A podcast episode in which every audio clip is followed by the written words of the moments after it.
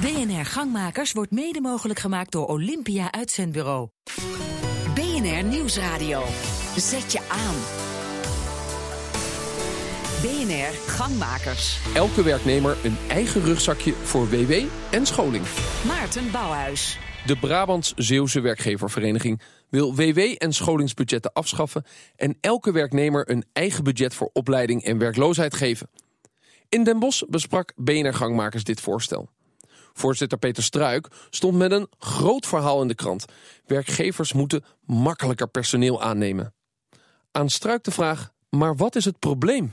Nou, wat je ziet is dat werkgevers nu vaak uh, opkijken tegen de risico's die hebben als ze vast personeel aannemen. Daar nemen ze veel flex aan. En met dit plan zouden ze veel makkelijker en zonder risico's personeel kunnen aannemen. Oké, jij stelt een nieuw plan voor, een nieuwe regeling. Dat noem je PIT of de PIT. Wat is het dan? Eh, wat we voorstellen is dat bestaande gelden, de WW-gelden, de opleidingsgelden, ONO-gelden en de transitievergoedingen, dat die in een potje gaan en dat je ze spaart voor, uh, voor je eigen WW en ook voor je eigen opleidingen. Ja, want elke werknemer betaalt WW-premie, uh, legt bij aan opleidingsgeld ONO-fonds. Ja. En er is zoiets als een transitievergoeding sinds vorig jaar. Ja, dat klopt. Maximaal die 75.000 euro, geloof ik.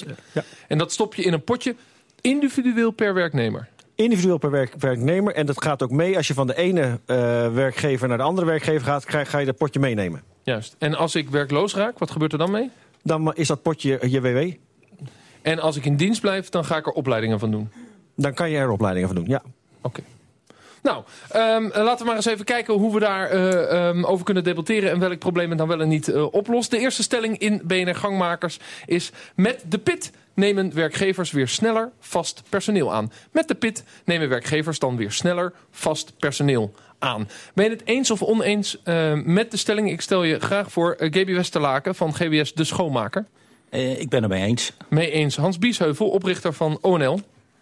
Ik ben het er ook mee eens. Eens. Jurien Koops, directeur uitzendbureau Koepel ABU. Ik ben het ermee oneens. Peter Struik, tot slot, voorzitter van de Brabantse Werkgeversvereniging. Eens. Eens uiteraard, want het is jouw plan. Um, en de gasten hier van de Flexwerkplek, de Bossechem fabriek, reageer zeker via de interruptiemicrofoon. Uh, Jurien Koops, oneens.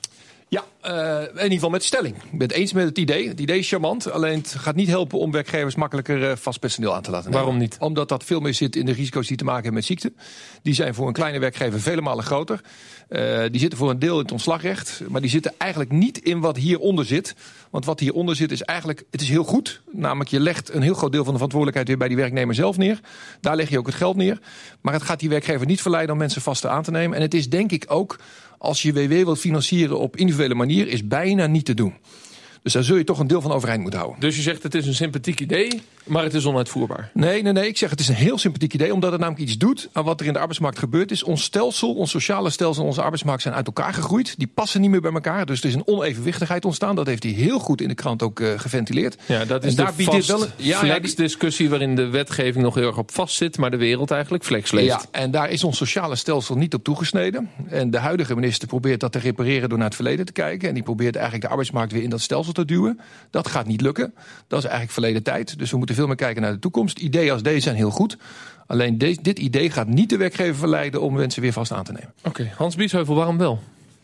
Nou, ik heb ja gezegd, maar ik heel veel sympathie heb voor de actie om dit op de kaart te zetten. Maar ik moet wel heel eerlijk zeggen, het is denk ik onvoldoende om werkgevers te verleiden om uh, mensen vast in dienst te nemen of überhaupt in dienst te nemen. Want het gaat inderdaad ook over die risico's.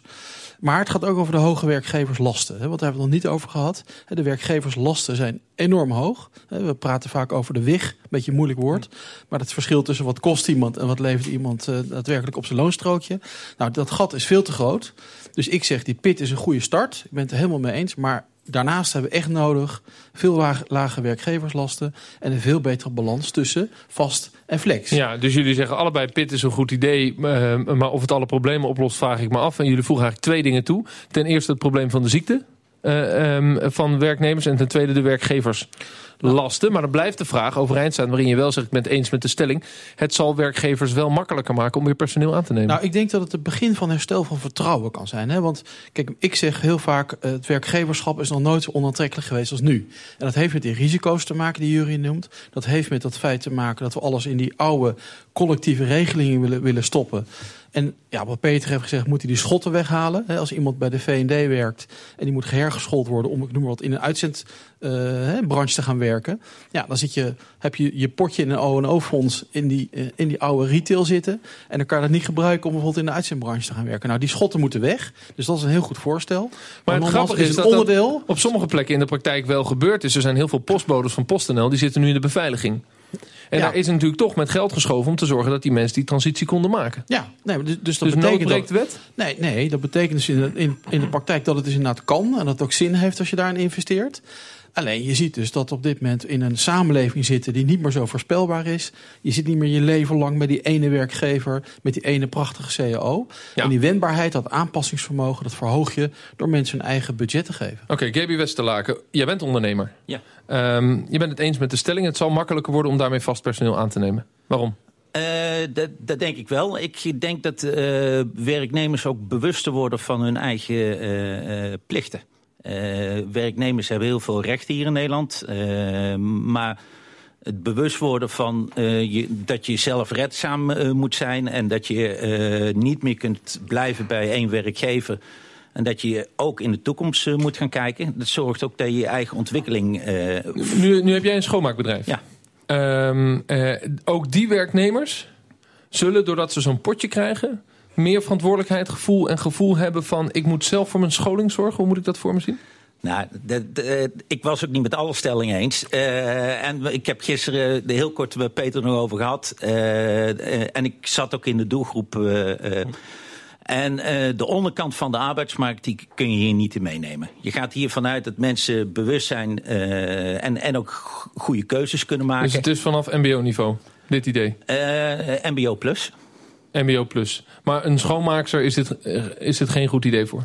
En een schoonmaker is eh, juist gebaat met een vast contract en, eh, en een goede werkgever. Ja, Peter Strak, heb je het voor iedereen bedoeld of voor dat MBO plus niveau? Nee, ik heb voor iedereen bedoeld. En ik denk ook dat het. eh, hè, ik, ik zie best wel dat sommige mensen misschien een eh, hulp willen of, of, of kunnen gebruiken. Nou, ik denk dat daar bijvoorbeeld een hele mooie rol voor vakbond zou kunnen zijn. Voor, eh, voor de werkgever zelf, om, om mensen te helpen. En ik ben het wel eens met Jurgen en, eh, en eh, hoe heet het? ehm, Hans. Hans, sorry. Ehm, dat, dat dit lost niet alle problemen op, maar dit lost wel een heel, heel groot probleem Ja, op. maar mijn stelling is, daarom heb ik hem willen toespitsen... omdat we niet in 10 minuten alle arbeidsmarktproblemen kunnen behandelen. Eh, met de PIT nemen werkgevers weer sneller vast personeel aan. Ja. Dat is ook echt Ja. een van jullie intenties geweest... Absoluut, om dit idee te lanceren. Ja, waar je overigens, eh, las ik in de krant, lang aan gewerkt hebt... met een Ja. hele hoop werkgevers. Dus je bent niet over één nacht ijs gegaan. Waarom denk je dan in de kern waarom dat wel zal gebeuren? Dat, dat als we dit invoeren, zo'n potje per werknemer... dat die werkgever denkt, ja, ik, ik stap over die drempel heen... om iemand toch een contract te bieden. Omdat hij toch die flexibiliteit houdt die hij anders niet heeft. Als je iemand vast aanneemt en je moet hem later weer ontslaan... dat is nu een hele moeilijke situatie. En dus gaan veel mensen over op of uitzendkrachten. Hè, en da- daar is ook helemaal niks tegen. Maar je moet op zich, eh, wil je betrokkenheid bij je bedrijf hebben. Dus je wil gewoon mensen in dienst hebben die zich betrokken voelen bij je bedrijf. En ik denk dat dan je bedrijf beter wordt. Ik denk dat mensen zich gelukkiger voelen. Dus daarvoor denk ik dat het goed is. Ja, eh, en mensen zijn betrokkener. Eh, Dat durf je dan als werkgever om ze die betrokkenheid te geven. Maar je denkt, ik kan er ook weer makkelijk vanaf, want ze hebben hun eigen potje. Ja, dat klopt. En, Ja. en dus, dus ze zijn, hebben een eigen inkomens- en werkzekerheid. En ik denk Ja. dat het goed is. Ha- Hans Biesheuvel, dat klopt dan toch, die redenering? Nou ja, de redenering klopt als zoals je hem nu uitlegt. Hè? Maar ik zeg aan de andere kant, kijk, je bedrijf wordt niet per definitie eh, flexibeler of sneller of beter doordat je een vaste kracht hebt. Hè? Het is, gaat meer om het perspectief, denk ik, wat je mensen biedt. Ja, maar dat is dus de fundamentele discussie. Wil je eigenlijk vaste krachten hebben? Nou ja, ik heb, zou eerlijk zeggen, ik heb 30 jaar lang altijd vast personeel aangenomen om heel flexibel te zijn. Omdat vaste mensen juist ingewerkt zijn. En vaak heel veel hard voor het bedrijf hebben. En daardoor juist heel flexibel Ja, zijn. en dan hè? zijn er heel veel ondernemers Alleen- die zeggen met de huidige regelgeving... jij klaagt zelf ook over hoge risico's en hoge Ja. kosten... wil ik dat niet meer? Asscher, eh, Ja. zegt Jurien, regeert in het verleden. Ja. Of zelfs naar het verleden toe. Ja. En dan ligt hier een voorstel om echt naar de toekomst te regeren. Nee, maar da- daarom ben ik ook begonnen te zeggen dat ik het positieve eh, Ja. stap vind. Alleen het is een stap hè, in een arbeidsmarkt die eigenlijk nog ja, ouderwets georganiseerd is. Jury zegt het stelsel hè, is niet meegegroeid met de realiteit van vandaag. Nou, dat klopt. En dat stelsel is nogmaals gebaseerd op die ene baan bij die ene werkgever met die vuistdikke CO. Ja. En die banen zijn er nauwelijks meer. Ik ga En kijken... daar moeten we dus in investeren. Ik ga kijken naar de interruptiemicrofoon in de bos. Kruip lekker dicht in de microfoon. Met wie heb ik het genoegen? Met uh, Mark Duizen van Kerk Culinair, een van de start-ups van de Jamfabriek. Ja. Heb je vast personeel in dienst? Wij hebben vast personeel in dienst. Echt waar, als start-up? we, we, zijn nu met zeven man, we willen gaan groeien naar tien man. Ja. en eigenlijk is het een heel goed idee. Uh, om waar wij tegenaan lopen is dat het voor ons heel erg belangrijk is om uh, ja, ja, mensen op te leiden. We hebben een nieuw product. Wij richten het hele voedingsmanagement systeem in ja. binnen de zorg. Voedingsmanagement systeem binnen de zorg. Ja, dus wij... De, dat ben je aan het doen met zeven man vast personeel. Ja. En daar, daar word je blij van het feit dat je ze in vaste dienst hebt. Je vindt het niet eng. Ja, het kan niet anders. We moeten ze opleiden. Het opleidingstraject denken we nu op dit moment dat we daar twee jaar mee bezig zijn. Dat is heel breed. We hebben mensen nodig vanuit de consultieve techniek. Die eh, precies weten hoe de voeding in elkaar zit. Maar uiteindelijk wel op moet geleid moeten worden naar of binnen de ICT. En, en wat of... betekent dat voor jouw risico's als ondernemer? Dat als een start-up, en een start-up kost geld, levert nog niks op, uh, niet gaat vliegen. Uh, dan zit je met dat vaste personeel. Ja, dat is schokken. En dat, is dan, en dat is dan maar zo? Uh, ja, dat kan niet anders. Ja. Dus als er een potje zou zijn waarin we dus die mensen zouden kunnen opleiden... en als we ze mee kunnen nemen van een ander traject... we zien dat er op dit moment veel facilitair managers vanuit de zorg... Uh, via reorganisaties eigenlijk uitvallen. Als die een potje zouden hebben waarin we ze mee kunnen nemen... en daardoor zouden kunnen opleiden... Ja, want dat is dus de kernvraag. Als jij naar de stelling kijkt, uh, die pitregeling, goed idee... makkelijker vast personeel aannemen, ja dus. Ja. Kijk eens even, Peter Struik is in ieder geval een start-up ondernemer die het steunt. Ja, helemaal goed. Zullen we maar zeggen. Al dus Peter Struik in Den Bosch. Straks in BNR Gangmakers. Deze bus rijdt niet verder. Het einde van snelwegbus Almere-Utrecht-Uithof. BNR Nieuwsradio. Zet je aan. BNR Gangmakers. Je luistert naar een zomerterugblik op het afgelopen seizoen BNR Gangmakers. De snelwegbus 150 van Utrecht-Uithof naar Almere is opgeheven. Na vier jaar komt er een einde aan het experiment, opgezet door het ministerie van INM zelf. De lijn leverde onvoldoende op. Je zou verwachten dat je dan ook redelijk geruisloos kunt stoppen met een lijnbus. Dat pakt even anders uit. In Almere bespraken we de stelling... de snelwegbus 150 tussen Utrecht-Uithof en Almere zal verdwijnen. Niels Rood, wethouder verkeer en vervoer in Eemnes. Oneens. En hij zal dus niet verdwijnen volgens Niels, Roos, Niels Rood. Rikkes Spithorst, Maatschappij voor Beter OV. Oneens. Oneens. Rick de Vries, concessiemarketeer bij Connection. Eens. Dennis Heijnen, CDA Provinciale Statenlid in Noord-Holland. Ik ben het daarmee oneens. Oneens. En de gasten hier bij de Zeepkistborrel in Almere. Reageer via de interruptiemicrofoon. Uh, dan begin ik bij Rick de Vries, concessiemarketeer bij Connection. Jullie rijden de bus als Connection. Ja, klopt. Vanaf het begin. En, en we hebben vier jaar dat, die pilot gedraaid. En jij zegt hij gaat verdwijnen. Ja, dat baseer ik eigenlijk gewoon op het feit dat de gemeente Almere uh, heeft gezien dat de bodem van, van uh, de schatkist zeg maar, in zicht is. En dat er geen geld meer is om deze lijn verder met subsidie te ondersteunen. Uh, dus daarom zeg ik ja, hij gaat verdwijnen. Juist, dan gaat hij dus verdwijnen en zegt de wethouder Eemnes, Niels Rood. de bus rijdt door Eemnes en dat is ook belangrijk voor jullie burgers om naar Utrecht te komen, begrijp ik? Ja, met een beetje goede wil krijgen we ook nog een halte langs die snelweg. Want hij rijdt nu heel hard het dorp voorbij. Maar... Jullie hebben op dit moment nog geen halte? Nee, wordt aan gewerkt. En uh, we kunnen wel ietsje verderop bij uh, Blarikum opstappen. En dat doen ook veel uh, studenten, met name ook uit MS... die in Utrecht op de Uithof studeren. En een aantal forensen die bijvoorbeeld op Rijnsweert werken. Ja, want het is een bus die dus vanuit Almere, betaald door INM... en een beetje door Almere, begrijp ik hieruit... Uh, rijdt naar Utrecht en moeten dus uiteindelijk forensen die in Almere wonen en in Utrecht werken, uit de auto halen, uit de AC, van de A27 eigenlijk af. Daar hebben jullie dus in, in Eemnes en Blaricum baat bij. Uh, waarom denkt u dat die niet zal verdwijnen? Nou, als de stelling is beter mee eens dat hij zal verdwijnen... dan zeg ik nee, ik ben niet eens nee, dat maar hij wat denkt u? verdwijnen. Gaat hij verdwijnen of niet? Nou, ik heb nog steeds goede hoop. Uh, gisteren is in de Raad van EMS bijvoorbeeld een motie aangenomen... en in Blaakum hebben ze daar ook zo over beraadslaagd... Uh, waarin de Raad oproept, uh, desnoods doet de gemeente er maar geld bij... maar hou die bussen in, de, in de running... Uh, Provinciale Staten uh, bemoeit zich er nu mee. Ik heb gesprekken gehad met gedeputeerden in Utrecht en in uh, Noord-Holland. Die gaan nog niet helemaal goed, die gesprekken. Maar we doen wel hard ons best. En die bus voorziet in een hele grote behoefte. is gewoon een succes. Ja, dus als u zeg maar uw, uw politieke tentakels een beetje uitgooit... en een beetje gevoel in de omgeving legt... dan zegt u, ik denk dat we het wel gaan redden en dat die blijft.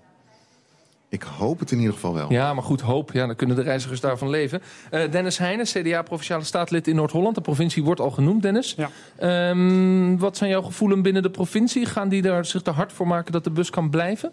Nou, wat wij gedaan hebben, kijk, in principe is het busvervoer... Uh, ligt dat uh, vooral bij de provincie. Die besteedt dat aan via een concessie. Um, en we hebben nu als CDA-statenfracties in zowel Flevoland als Noord-Holland als in Utrecht aan alle drie uh, onze gedeputeerden dezelfde vragen gesteld. Van ja, kunt u nou nog niet toch nog een keertje kijken of u deze zeer succesvolle bus, die gewoon dagelijks uh, hartstikke vol zit, uh, toch niet extra middelen vrij kunt maken of, of op andere creatieve wijzes om kunt gaan om toch die financiering bij, bij elkaar te krijgen om deze bus te laten doorrijden. Ja, bestuurskennis die ik niet direct paraat heb. Zit het CDA in die drie provincies wel of niet in het college? Ja. In alle drie? Ja.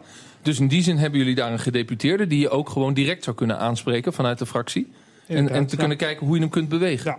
Hebben jullie dat gedaan? Ja, we hebben nu er eerst voor gekozen om dit te doen via het middel nou ja, schriftelijke vragen. Dat kent de Tweede Kamer ook. Daarmee vraag je natuurlijk aandacht. Uh, laat je eerst ook geef je het aan de bestuurders over om te kijken welke mogelijkheid is er nog. En tegelijkertijd kijken we natuurlijk bij nou ja, fracties om ons heen uh, welke mogelijkheden men daar ziet. En, tegelijk, ook een en tegelijkertijd de, de OV-concessies, zoals dat heet, de aanbestedende partijen in het openbaar vervoer ligt vooral bij de provincies in Nederland. Dat betekent dat ja. de provincies nu ook een logische rol hierin hebben. Maar dat betekent dat er geld bij moet. Anders kan Connection de bus niet rijden.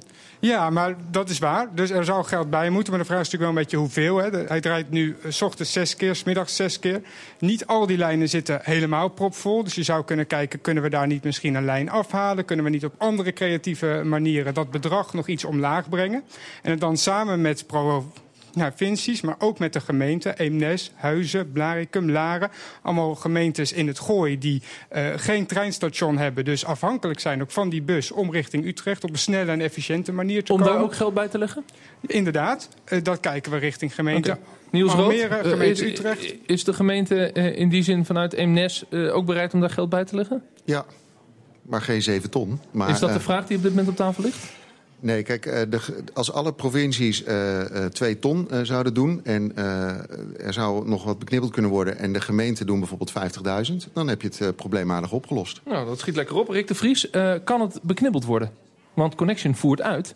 Dus dat roept de vraag op. eigenlijk zegt de opdrachtgever... provincie wil de opdracht wel overnemen van Almere... en een beetje van INM, maar het moet wel goedkoper. Ja, het is zo dat uh, de gemeente Almere heeft natuurlijk tot op heden de financiering gedaan. Uh, Noord-Holland en uh, Utrecht hebben daar als provincie niet aan meegedaan. het aardige is wel dat 50% van de reizigers reizen van Noord-Holland, de Blaricum Carpool, naar Utrecht.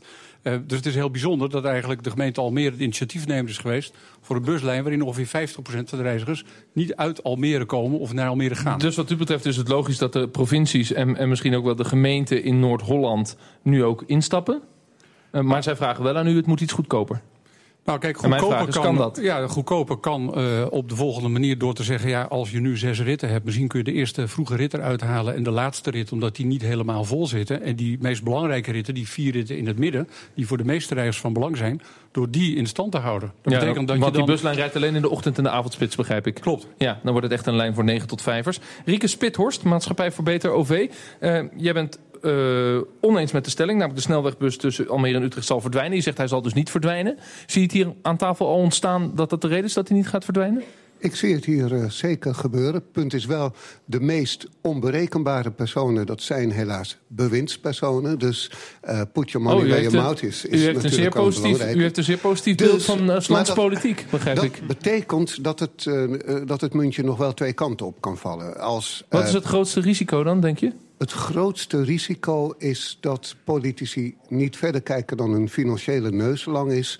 en vergeten te kijken naar een aantal andere zaken. Met name het doel waarvoor die bus was opgezet. En dat is? Het bestrijden van de files. Ja, heeft hij dat gedaan je, in uw ogen? Dat heeft hij zeker gedaan. Het punt is, heel veel snelwegen in Nederland kunnen het vervoer net behappen. Op het moment dat je per uur 100 auto's meer laat rijden... op die wegen loopt het vast. En ja, dat is dat de theorie, maar het is een pilotfase ja. geweest. Dus uh, uh, uh, dat vraag ik dan ook even aan Connection. En dan kom ik bij de interruptiemicrofoon, want daar staan dan mensen alweer in de rij. Maar heeft die bus zijn... Die pilot zijn doel bereikt, namelijk mensen uit de file van de A27 af... en daardoor de files verminderd? Dat heeft hij. Voor, voor, een, doel, voor een deel wel. Um, want een groot deel van de reizigers, rond de 50%, zijn studenten. Dat zijn niet per definitie nee, die automobilisten. Niet per definitie, nee, maar die andere 50% zijn wel degelijk natuurlijk mensen... die uit de auto niet meer over de A27 in de file staan... maar lekker in de bus zitten, wifi erbij... en uh, hun gang kunnen gaan totdat ze kunnen uitstappen voor de deur. Oké, okay, dus ten dele heeft hij uh, zijn doel bereikt. Interruptie. Mijn naam is uh, Kees Heuveling van Beek van Vince Carlies. Uh, ik doe ook dus in auto's, maar ik uh, vraag me af... als nou zo'n connection zo'n opdracht wil uitvoeren... waarom moet die dan zo enorm duur zijn? Want er, dat er dan subsidie gegeven moet worden voor zo'n buslijn... die juist effectief en vol zit. Want ik hoor dus dat al die bussen vol zitten. Dus als die bus vol zit, dat betekent dat dus ook dat terugbetaald moet kunnen worden. Ja, Rick de Vries zijn eigenlijk twee vragen. En, A, zitten inderdaad alle bussen vol? Uh, nee, om de volgende reden. De bus rijdt behoorlijk vol van Almere naar Utrecht. Maar in de terug. tegenspits rijdt hij bijna leeg terug. Niet per definitie ja. leeg, maar weinig reizigers. En, en nou moet het een hoop kosten. Is het überhaupt mogelijk om zo'n buslijn rendabel te hebben? Um, dat is altijd moeilijk, want in OV-land is het bekend dat uh, bussen... daar zal altijd geld bij moeten van een, uh, van een, een overheid... om uh, het totaalplaatje rond en kostendekkend te krijgen. Oké, okay. ik ga ook naar de tweede, eerst naar Niels Rood en dan ja. naar de tweede interruptie. Ja. Wat in dit geval nogal tragisch is, is dat er ook veel studenten in zitten... die hebben een OV-chip en dat telt niet mee in de baten van zo'n buslijn. Dus hij zit wel vol en is toch niet heel winstgevend. Oh, dus dan moeten we die studenten eruit krijgen, Rick? Nee. Nou, dat vind ik niet zo aardig. Nee, nee dat is niet het doel. Want, maar moeten die studenten niet sowieso gestimuleerd worden om op kamers te gaan wonen? Nee. Nou, de studenten moeten... Uh, dat is goed voor hun ontwikkeling. Beter dan in een buslijn zitten. Dan moeten de studiebeurs omhoog, want de kamerprijzen niet meer te betalen. Nee, dat is in Utrecht wel een probleem. Dat is uh, zeker waar. Nederland is een kenniseconomie en goed opgeleide studenten is in het belang van de BV Nederland. Ja, ik wil er ja, ik, ga nog eerst, even over ja, zeggen dat kort, die studenten wel ons toekomstig publiek is voor in de bus. Die gaan ze niet tijdens hun studeren de bus uitjagen. Dan kijken ze nooit Precies, en, die, en, die, en, de man van de vorige interruptie geeft ze een leaseauto als ze beginnen met werken. Dat heeft u dan weer. Zegt u maar, wie bent u? Goeiedag, mijn naam is uh, Marcel Buisman van Nieuw Task.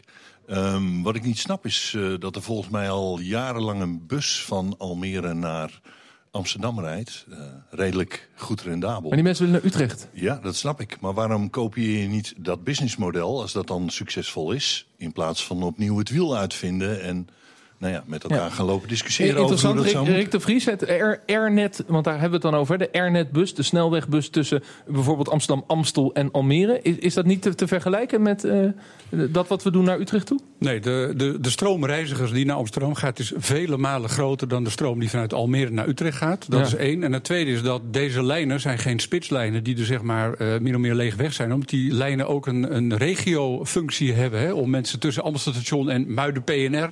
Uh, te laten reizen en daar weer een overstap te maken naar een ander punt. Okay, dus, dus die hele dag. ander soort lijnen als antwoord op het businessmodel. Uh, interruptie? Ja. Zegt u het maar. Lausberg, uh, interim manager uh, onderwijs. Um, ja, ik heb een tijdje in de politiek gezeten en het uh, bevreemdt mij toch enigszins. Want ik heb altijd begrepen dat een, uh, een uh, vervoersdienst via een Europese aanbesteding wordt, wordt gecontracteerd. Nou, en daar zit volgens mij ook zo'n busreis in. Maar waar ik niemand over hoor, is een alternatief. Want dat is er niet. Want als je in de trein gaat zitten, als de trein er al überhaupt rijdt... en die gaat zeker niet naar het dorpje waar u het net over had... dan is het al een probleem om in die trein te komen, morgens vroeg. Ik heb het een paar keer meegemaakt. Ik vind het levensgevaarlijk. Als haringen in een ton. Je wordt nog net niet geduwd, net als in Japan, om erin te passen. Maar de treinen zijn overvol. Er wordt geen coupeetje achteraan gezet van de NS. Dat is allemaal te duur. En dan gaan we een bus uh, weghalen, waar, waar mensen nog mee op een plek kunnen komen. Al dus een inspreker in Almere. BNR Gangmakers, dat zijn pittige debatten voor en door ondernemers. Tot volgende keer.